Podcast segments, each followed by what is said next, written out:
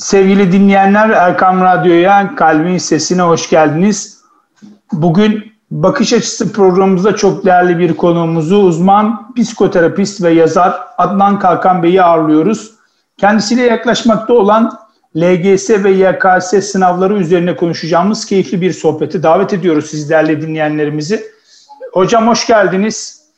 Hoş bulduk. Selamünaleyküm. Aleykümselam. İyisiniz inşallah. Elhamdülillah. Şükrediyoruz. Devam ediyoruz. Sizler nasılsınız? Allah razı olsun. Çok teşekkür ediyoruz. Tabii ülkemizde maalesef çok sınav var ve bu sınavlar öğrencilerin bir nevi geleceğiyle ilgili e, adımlarını belirleme noktasında e, karşılaştıkları bazen bir sorun oluyor, bazen e, bir başarı grafiğine dönüşebiliyor. Ama tabii ki en önemli noktalardan bir tanesi de efendime söyleyeyim sınav stresi, sınav kaygısı, zaman yönetimi, e, birçok öğrencide kafada başka problemler çıkmış oluyor. Yani gelecekle alakalı, sınavlarla alakalı. Ee, şöyle başlayalım. Başarı neden önemlidir? Şimdi başarı dediğimiz şey evvela tabii ki başarıdan ne anladığımız çok çok önemli. Bugün e, insanların ayakları üzerinde durması, maddi anlamda, e, ciddi anlamda bir şekilde meslek sahibi olması ve bu mesleğiyle hayatının devamını getirmesi tarzında baktıkları bir başarı var. E, fakat başarıyı biz bu anlamda bunu kabul etmekle birlikte e, aynı zamanda ahlaki anlamda bir olgunlaşma ve yalnız kendi nefsi için değil başkasının da nefsi için kimin himmeti milletiyse o tek başına büyük bir millettir misali e, aynı zamanda sizin en hayırlınız başkasına faydalı olandır hadis-i şerifi gereği aynı zamanda e, başarı önemlidir. Yani bir insan e, düşünün kendisine e, bir şekilde işte zekat farzdır, e, hacca gitmesi gerekiyor. Dinin vecibeleri arasında dahi bunlar varsa e, demek ki belli oranda maddiyata sahip olması gerekiyor. Yine az önceki hadis-i şerif gereği sizin en hayırlınız insanlığa en faydalıdır. E, demek ki bizim başkasına faydalı olmak gibi bir derdimiz de var, bir mefkuremiz de var. Dolayısıyla biz başarılı olabilirsek, yani hem iyi bir meslek sahibi e, ve bundan bir gelir elde etmek ve bu gelirden aynı zamanda e, başkasına da faydalı olmaya çalışmak, e, bu anlamda maddi yönden e, ayakları üzerinde durabilmek, manevi anlamda ise ahirete giden yolda dünyevi olan bütün e, araçları aynı zamanda e, bu anlamda e, başarıya giden yolda araç etmek yönde başarı önemlidir. Yani e, başka, başkasından uman evet. değil, başkasına faydalı olan konumda olabilmek için e, aynı zamanda bu yönden başarı önemlidir diyebiliriz. Eyvallah hocam. E, pekala şimdi sınavla ilgili ister istemez bir kaygı, bir stres var. Bu kaygı ve stres noktasında öğrenci kardeşlerimiz motivasyon noktasında bir sıkıntı mı yaşıyorlar da bu kaygı ve stres ortaya çıkıyor hocam? Yani bunu nasıl dengeleyecek öğrenciler? Şimdi evvela sınav stresi ve sınav kaygısını birbirinden ayırmakta fayda var. Stres dediğimiz şey beynin adrenalin sergilemesiyle oluşan bir faktör. Ee, dolayısıyla bu anlamda e, stres yıkıcı e, ve e, kaygı ise belli bir orana kadar yapıcı olabilmektedir. Dolayısıyla stres ve kaygıyı birbirinden ayırt etmek lazım. E, bunu ayırt ettiğimiz takdirde e, bu konuya biraz daha doğru yönden girebiliriz diye düşünüyorum. Ve bununla birlikte stres ve kaygı neden bu kadar yıkıcı olmaktadır? Neden e, bu kadar etki etmektedir? Bana göre hayatın anlamı, önemi ve gayesini doğru bir şekilde e, kendinde cevaplayamayan insanların yüksek derece kaygı ve stres yaşadığı e, bir gerçektir. Şimdi bakın e, hedef dedik biz değil mi sürekli? Hani öğrencilerimize, gençlerimize bir hedefin olmalı dedik fakat hedef, evet. hedef ruhsuzdur. Peki bizim gerçek anlamda e, kendi mefkuremiz dediğimiz değil mi? Hedefin yanına mefkure hedefin yerine mefkure kavramını yerleştirdiğimiz zaman dolayısıyla e, onun içerisinde aynı zamanda hani İslami medeniyetten gelen bir fikir, e, fikirden doğması sebebiyle ruh kazanmış oluyor ve bugün gençlerin e, hedefe yönelmesi, maddi kaynaklar amaçlı hedeflere yönelmesi ve bu hedefleri de e, tam anlamıyla belki sekülerizm, seküler dünya üzerinden, seküler bakış açısı üzerinden değerlendirdikleri için bunlara e, yetişemedikleri takdirde dolayısıyla problem yaşamaktadırlar. O yüzden bizim e, gençlerimizin aslında bu kadar yüksek derece stres ve kaygı yaşamasında e, ulaşılamayacak derecede hedefler koyması, bir mefkuresinin, bir idarenin, bir e, tam anlamıyla ruh kazanmış bir ülküsünün olmaması ve bununla birlikte e, dolayısıyla e, hayata tam bir anlam yüklememesi bir son olarak da şöyle söyleyebilirim. E, yeteri kadar çalışmaması. Yani her işin, her başarının, her e, çalışmanın kendine göre bir mutlaka prensibi vardır, ideali vardır. E, bunlar eğer yeteri kadar yerine getirilmezse e, yani icabedenin yerine getirilmemesi e, dolayısıyla stres ve kaygı oluşmuş olmaktadır. Yani bu anlamda o zaman sınav stresini yenmenin belki en önemli yollarından bir tanesi şöyle söyleyebiliriz. E, yeteri kadar çalışma e, ve bu anlamda bu çalışmayı da e, verimli yollarla, doğru metotlarla yaptığı takdirde bunu da aşabilir diye düşünüyorum. Hocam tabii mefkureden bahsettiniz. Eksik noktalar var tabii öğrenci kardeşlerimizin e, bilhassa pandemi süreciyle yaşadığı olumsuz durumlar da göz önünde bulundurduğumuzda acaba bir hedefsizlik mi var yeni nesilde? Yani Nasıl bir Yani şöyle, biz gençler üzerine e, ciddi çalışmalar yapıyoruz e, ve bunun üzerinden baktığımızda bir kere bu pandemi süreci aslında pandemiden öte salgın kavramını kullanmamız e, icap ettiği takdirde e, bu süreçte gençlerin e, kaygı, anksiyete dediğimiz yani yüksek kaygı derecesinin daha fazla arttığını görüyoruz. Halbuki bakın buraya da bir anlam yüklemeleri gerekiyor. Nasıl? E, düşünün ki e, çok yüksek derece net çıkaran bu sınavlar bir kere sınavları tanımak lazım. Sınavlar bir kere öğrencilerden e, bütün soruları cevaplamalarını beklemiyor. Değil mi? Burası önemli. Yani Türkiye birincisi eğer e, örnek veriyorum e, işte 10 yanlış yaptıysa ve ondan daha fazla daha az yanlış yapan yoksa bu kişi Türkiye birincisi oluyor. Doğru mu? Aynen. Yani aslında burada kaç tane öğrenci alınacak? Örnek veriyorum elektrik elektronik mühendisliğine veya tıp fakültesine kaç öğrenci alınacaksa e, sınavlar bize diyor ki sen bu, bu aralığa gir, bu sıralamaya gir yeter diyor. Puanlar artmış, azalmış bunun bir ehemmiyeti yok aslında. Sıralamalar önemli çünkü genellikle. Dolayısıyla e, bir burayı anlamlandırmak lazım diye düşünüyorum. Ve bununla birlikte e, salgın döneminde bir kere öğrenciler şu yönden daha rahat olmalıdır. E, öyle aşırı derece e, işte dershanelere giden, ondan sonra tam anlamıyla çalışan e, bir öğrenci kesimi yok. Başka bir yönden yaklaşayım. Bunlar belki biraz daha anlamlandırma açısından önem arz eder. E, mesela iki buçuk milyon civarı öğrenci YKS sınavına giriyor. Ve bu iki buçuk milyon evet. öğrenci bir kere yaklaşık e, bir buçuk milyon civarında öğrenci ders çalışmadan ve e, gerçek anlamda bir hedefi olmadan aslında bir nevi liseyi bitirmek e, üzere olan ve bitirdikten sonra da pek okumayı düşünmeyen öğrencilerdir. Fakat bir gelenektir, hadi sınava girin olmuş oluyor. Yani aslında o sayıyı dahi gözünde büyütmeye gerek yok. Bakın geçen sene miydi? Yani 400-500 bin civarında öğrenci sıfır çekiyor. Yani bu sıfır çeken öğrencilerin aslında sıralamada e, kendi hallerine bıraksalar bir yerlerde çalışacak belki sınava dahi girmeyecekler. Farklı meslek e, üzerinde çalışacaklar vesaire. Dolayısıyla zaman kaybı kesinlikle ben... kesinlikle. Dolayısıyla e, yarıştığımız insan yani öğrenci sayısı aslında iki buçuk milyon insan bir değer haberleri izliyorsa tabii ki e, flash flash flash iki buçuk milyon insanın kaderini belirleyecek olan YKS sınavı diye başladım zaten adrenalin salgılamaya başlıyor beyin.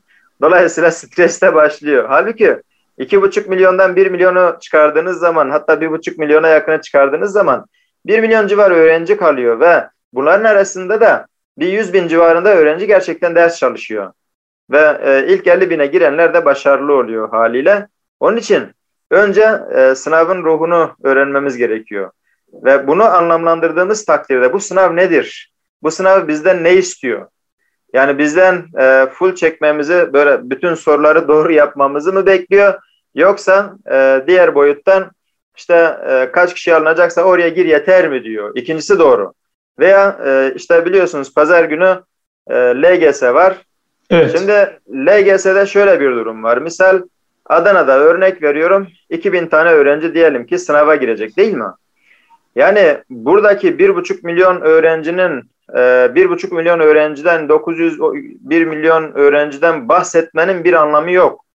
Çünkü bunlarla yarışmayacak. Adana'daki öğrenci Adana ile yarışacak.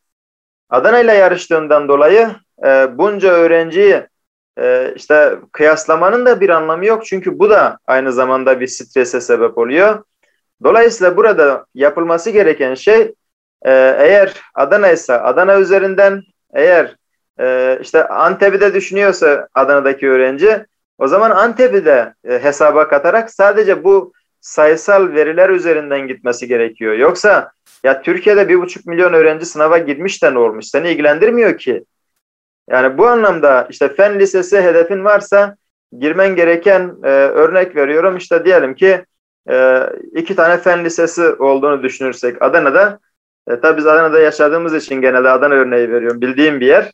E, iki fen lisesi varsa Adana merkezde ve bunlar toplamda eğer 350 öğrenci alıyorsa sen Adana'da yani Adana birincisi olmak için tabii ki mücadele edebilirsin ama yani hedefine gitmek için 350 bine girme, 350 e, öğrenci arasına girmen de zaten yetiyor. Aslında stresi bizim bakış açımız belirler. Yani dolayısıyla bu anlamda mümkün olduğu kadar e, anlamlandırırsak, e, çerçevesini çizersek, tanırsak severiz diye düşünüyorum. Aslında sadece çevresel faktörler değil, aile içerisinde de bu var tabii. Anne babanın da bir baskısı söz konusu sözlerle, ifadelerle, bakış açısıyla, belki de bakışlarıyla efendime söyleyeyim öğrenciyi zaten bir strese sokuyor. Pekala tabii birçok noktada öğrencilerle çalışmalar yapıyorsunuz. Sizin gözlemleriniz de önemli bizler için. Ee, neden okumuyoruz kitap? Şimdi evvela şunu söylemek lazım. Ee, tabii ki bir rol model eksikliğimiz mi var? Ya da e, rol model tanıtım eksikliğimiz mi var? E, mesela Ahmet Akay Azak yani yazmış olduğu kitaplardan eğer e, anne baba çocuğuna aldığı takdirde bir hızlı okuma değil mi? Anlayarak hızlı okuma kitabınızı ben okutuyorum öğrencilere. Evet. Gençlere okutuyorum. Veya e, hafıza teknikleri kitabınız. Gerçekten çok çok önemli.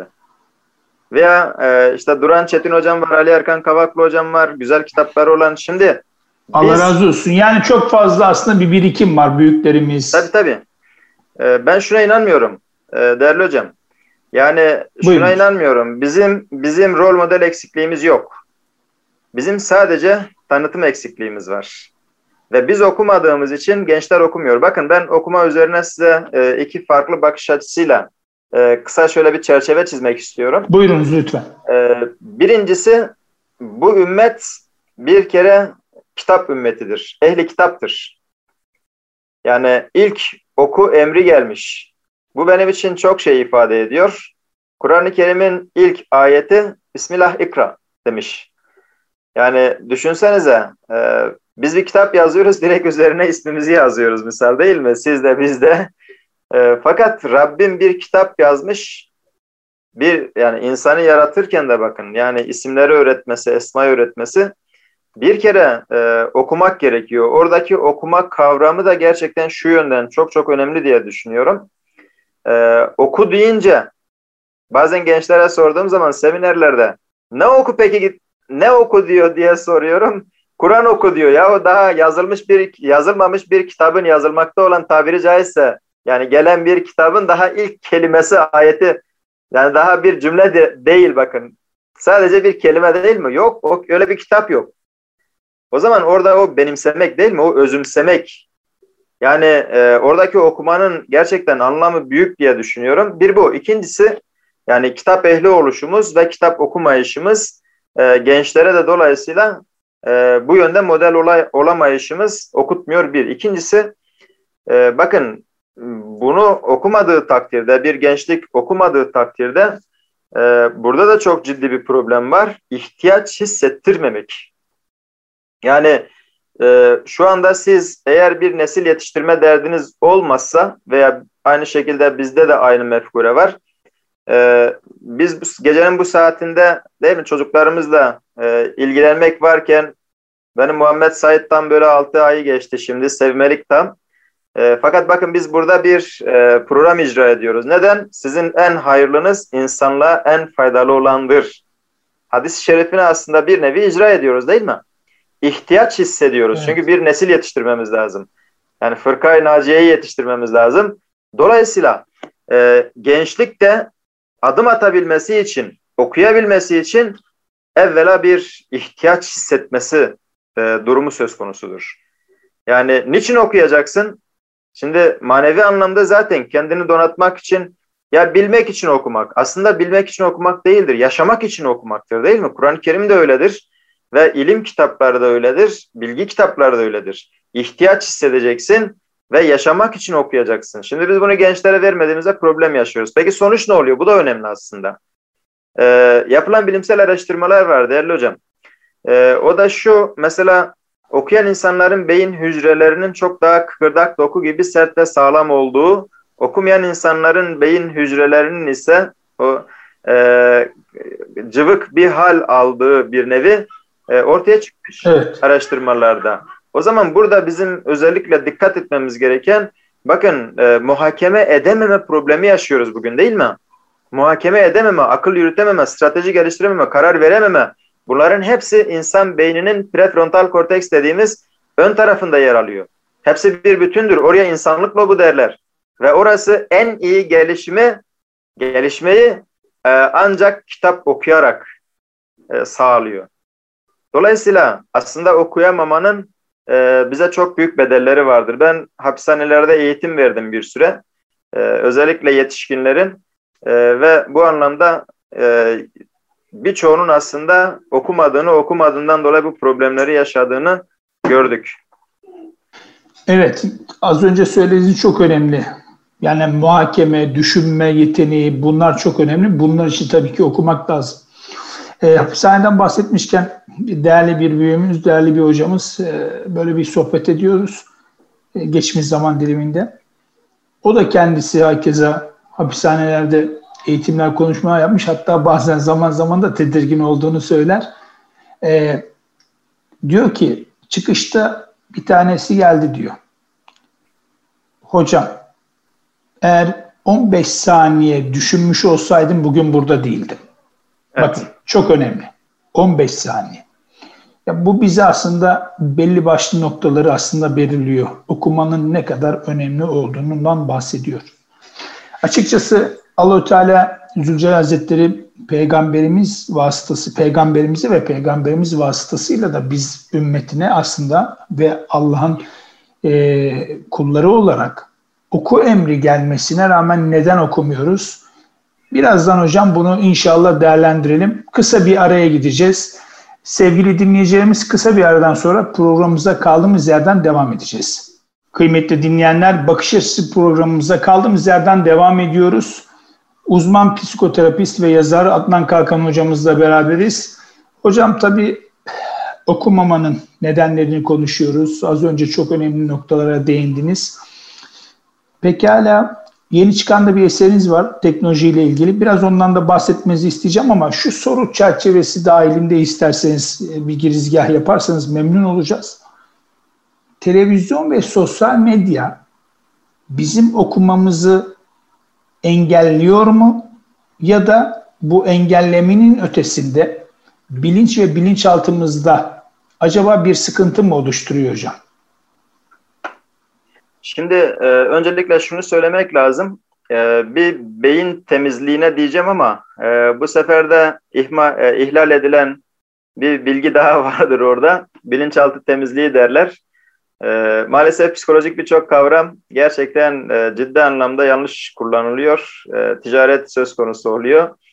E, bilinçaltı temizliği diye bir şeye ben e, çok fazla girmemek şartıyla fakat bilinç bilinç kavramı aslında o bilinçaltı da bilinç dışı diye değiştirildi.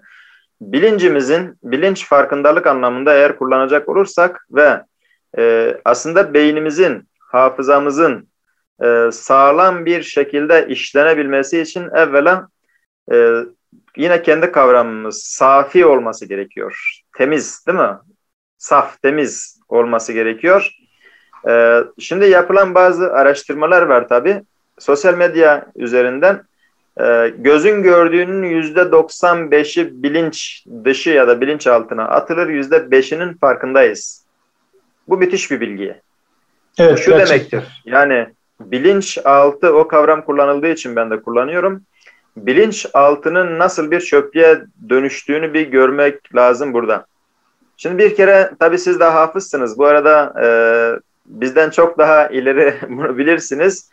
Bir insanın hıfz etmesi için belli başlı e, prensipler, belli başlı kuralları işlemesi gerektiği gibi aynı zamanda şu da gerekiyor. Yani bizim e, milli manevi kadim kültür medeniyetimiz üzerinden, inanç medeniyet üzerimizden gittiğiniz zaman da şunu görüyoruz. Mesela e, İmam Şafii'nin güzel bir sözü vardır. Harama nazar nisyandır der. Yani evet, gerçekten. şimdi sosyal medyaya girdiğiniz takdirde reklamlarda dahi e, müstehcen birçok resimle, birçok videoyla e, karşılaşıyorsunuz. Televizyonlarda alışkanlık peyda etti. Yani birçok dizi bakın bugün en fazla izlenen dizilerden bir tanesi. İsim burada vermem tabii. Ee, en fazla izlenenlerden bir tanesi bir bakıyorsunuz gerçekten e, sanki yani e, ne diyelim? O ahlak nazar nisyandır ahlak dışı e, bir giyim. E, ilişki bütünlüğü e, ilişki ağları daha doğrusu çözülemeyecek ağları oluşturulmuş. Dolayısıyla e, belli başlı hani nörotransmitter dediğimiz insan beyninin e, salgılı salgıları o elektromanyetik, elektrokimyasal daha doğrusu salgıları bunlardan endorfinden tutun, e, serotoninden veya adrenalin, noradrenalin bunların e, sergilenmesinde insan farklı duygular yaşıyor. Yani bir endorfin e, mutluluk verdiği gibi bir e, serotonin acıyı önleyebiliyor ve bir adrenalin acı verebiliyor veya stres yaşatabiliyor, korku yaşatabiliyor, dopamin heyecan veriyor insanın beyninin salgıladığı bu e, nörotransmitterler sayesinde farklı duygular yaşıyoruz ve e, özellikle şehvet duygusunu ön plana çıkaran e, gerek yiyeceklerde gerekse e, televizyondaki veya sosyal medyadaki birçok e, bu anlamda dizilerde veya reklamlarda gerçekten beyin allak bullak oluyor.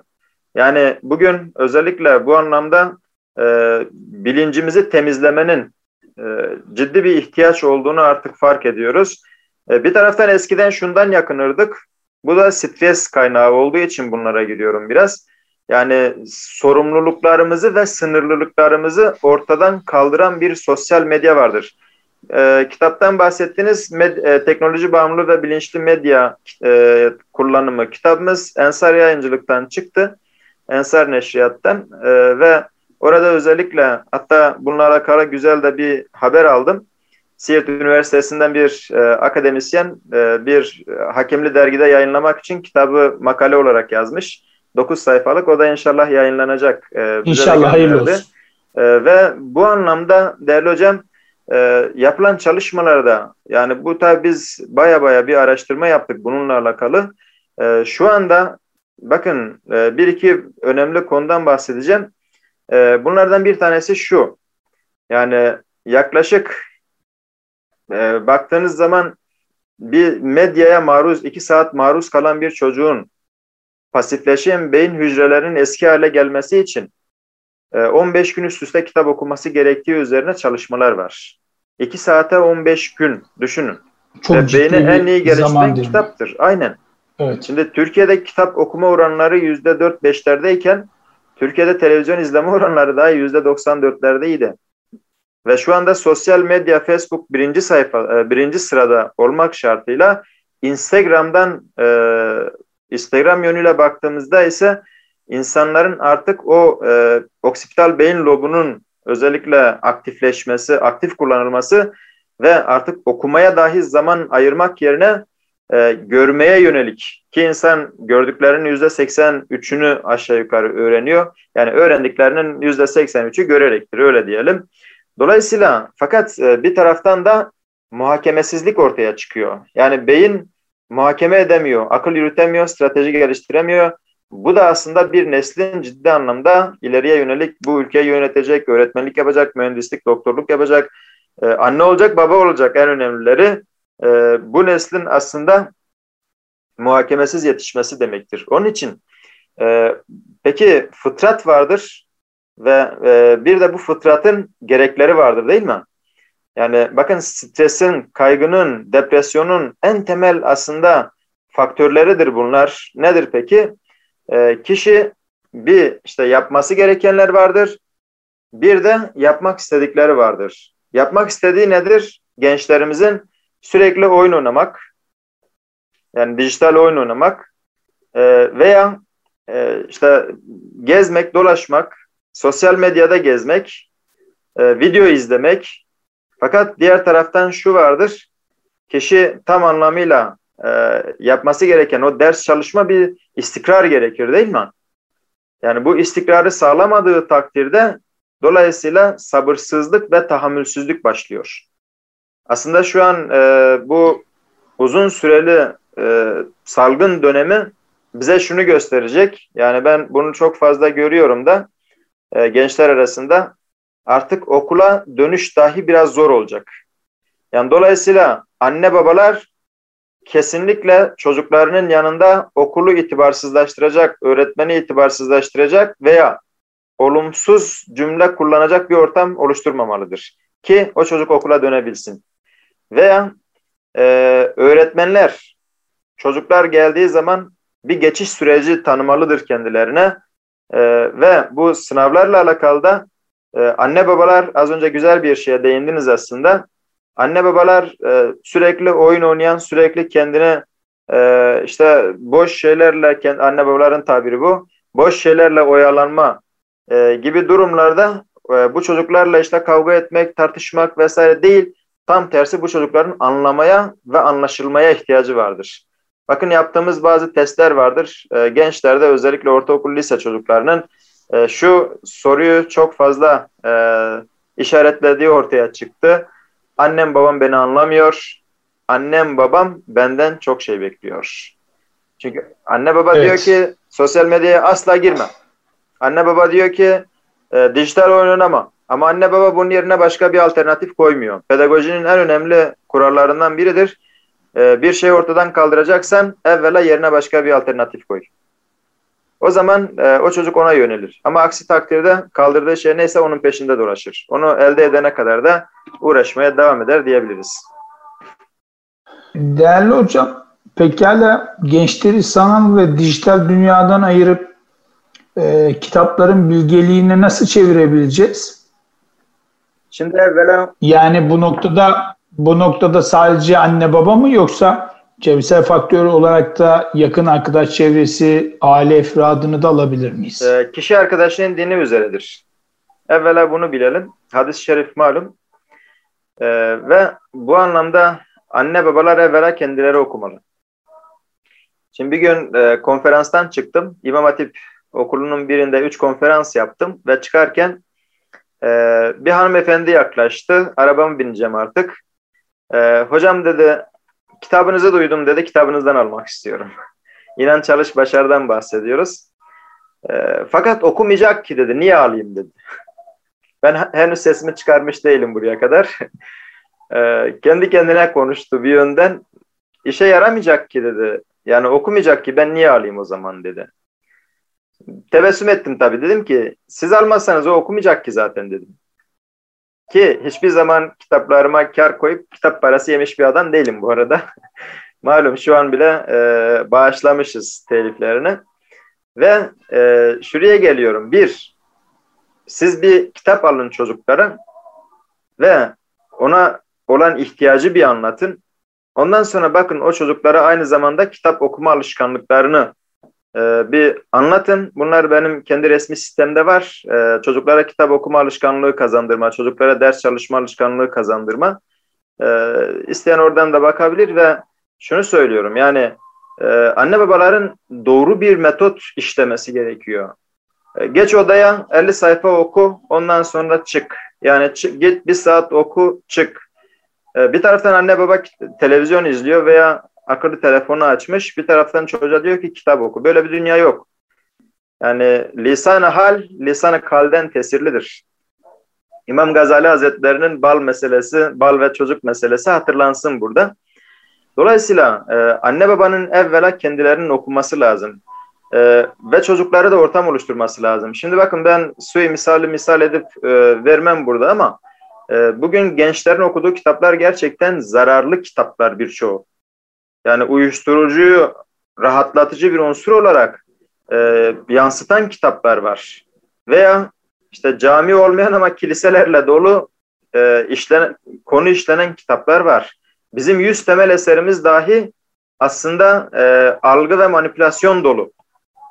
Düşünün yani 20 yaşına kadar yani özellikle e, okunacak kitaplar da çok çok önemli. Burada bizim yüz temel eserimizde dahi yıllarca problem vardı.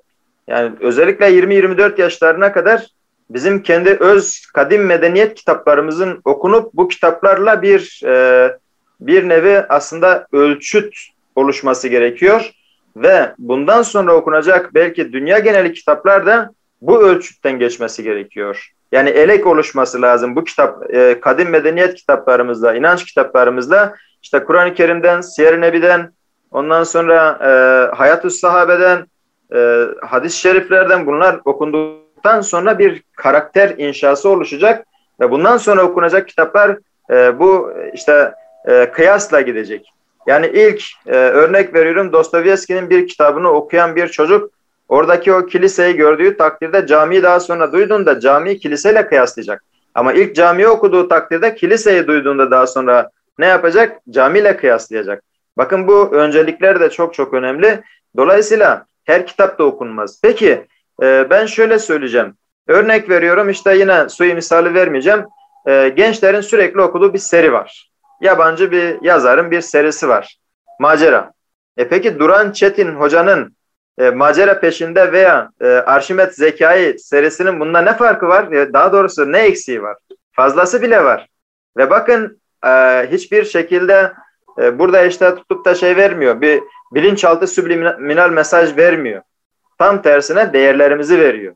Onun için okutulacak kitaplarda da anne babalar şuna dikkat etmeli. Yani efendim biz e, çocuklarımız eğer e, bilim serisi seviyorsa ona göre kitaplar okutacağız. Eğer macera seviyorsa ona göre okutacağız. Bakın gerçekten eksiğimiz yok. Araştırma eksiğimiz var anne babalar olarak da. Dolayısıyla aslında biz çocukların karakterini okunan yanlış kitaplarla evvela hasara uğratıyoruz. Onun için kitap okuma gerçekten çok çok önemli. Ama bunları okuturken de bizim yapmamız gereken doğru kitaplar doğru zaman ve zeminde okutulması gerekiyor yaşa göre de. Evet değerli hocam e, tabii ki zamanımız yavaş yavaş dolmakta. En azından e, hafta sonu bir e, sınav var malum biliyorsunuz artık e, sayılı günler var. Önerilerinizi alabilir miyiz? Lise sınavına girecek olan 8. E, sınıf kardeşlerimiz için? Şimdi evvela şunları söyleyebilirim. Ee, bu sınav işte bazı medya araçlarında çıktığı gibi hayatının hayatını belirleyen tek bir sınav değil. Hafta sonu sınavı için konuşuyorum özellikle. Ee, burada sadece daha iyi bir lise kazanmak için tabiri caizse yapılan bir sınavdır. Ve bu sınavda bu anlamda olabildiğince strese girmeden, kaygıya girmeden e, mümkün olduğu kadar e, normal bir deneme olarak ama biraz daha ciddiyetle e, çözülmesi gereken bir sınavdır.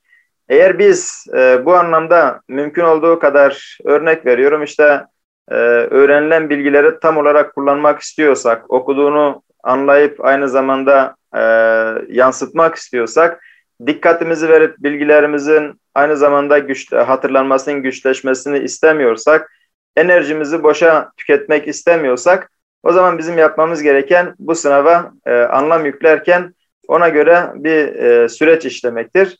Dolayısıyla burada şunu söyleyebiliriz. Aslında bir nevi e, burada olumlu düşünceleri biz elde edebilirsek, yani e, benim kimseden bir eksiğim yok. Elimden gelenin en iyisini yapmaya çalışmalıyım. E, önce yapmam gerekenleri belirlemeliyim. Yani bu süreçte işte çalışırsam ne kaybederim ki? Gibi olumlu cümleleri eğer biz e, kullanırsak, dolayısıyla sınavı da e, bir şekilde faydalı yönet, e, yönetebilerek, yani stresi de yönetebilerek bu sınavı e, başarabileceğimizi ben düşünüyorum. Ve özellikle sınav öncesinde yapılması gerekenler var, sınav esnasında yapılması gerekenler var. Mesela diyelim ki sınav öncesinde e, şu andan itibaren maden sınav saat işte 9-10 aralığına genelde yerleşti. Çünkü insan beyninin en geliştiği, en hızlı çalıştığı, verimli çalıştığı dönemdir. E, sabah kalkıp eğer duş alacaksa faydalıdır. Fakat eğer e, bu anlamda duştan sonra uykusu geliyorsa akşamdan duş almasında fayda var. Beyne e, oksijen gitmesi açısından duş önemlidir. Veya e, işte kontrol edilmesi gereken e, eksikler, gedikler mutlaka önceden belirlenmelidir. E, ve şu andan itibaren örnek veriyorum. Biz şu an salı gündeyiz. Çarşamba, perşembe ve cuma günleri deneme çözülebilir. E, bu da çok çok önemli haliyle.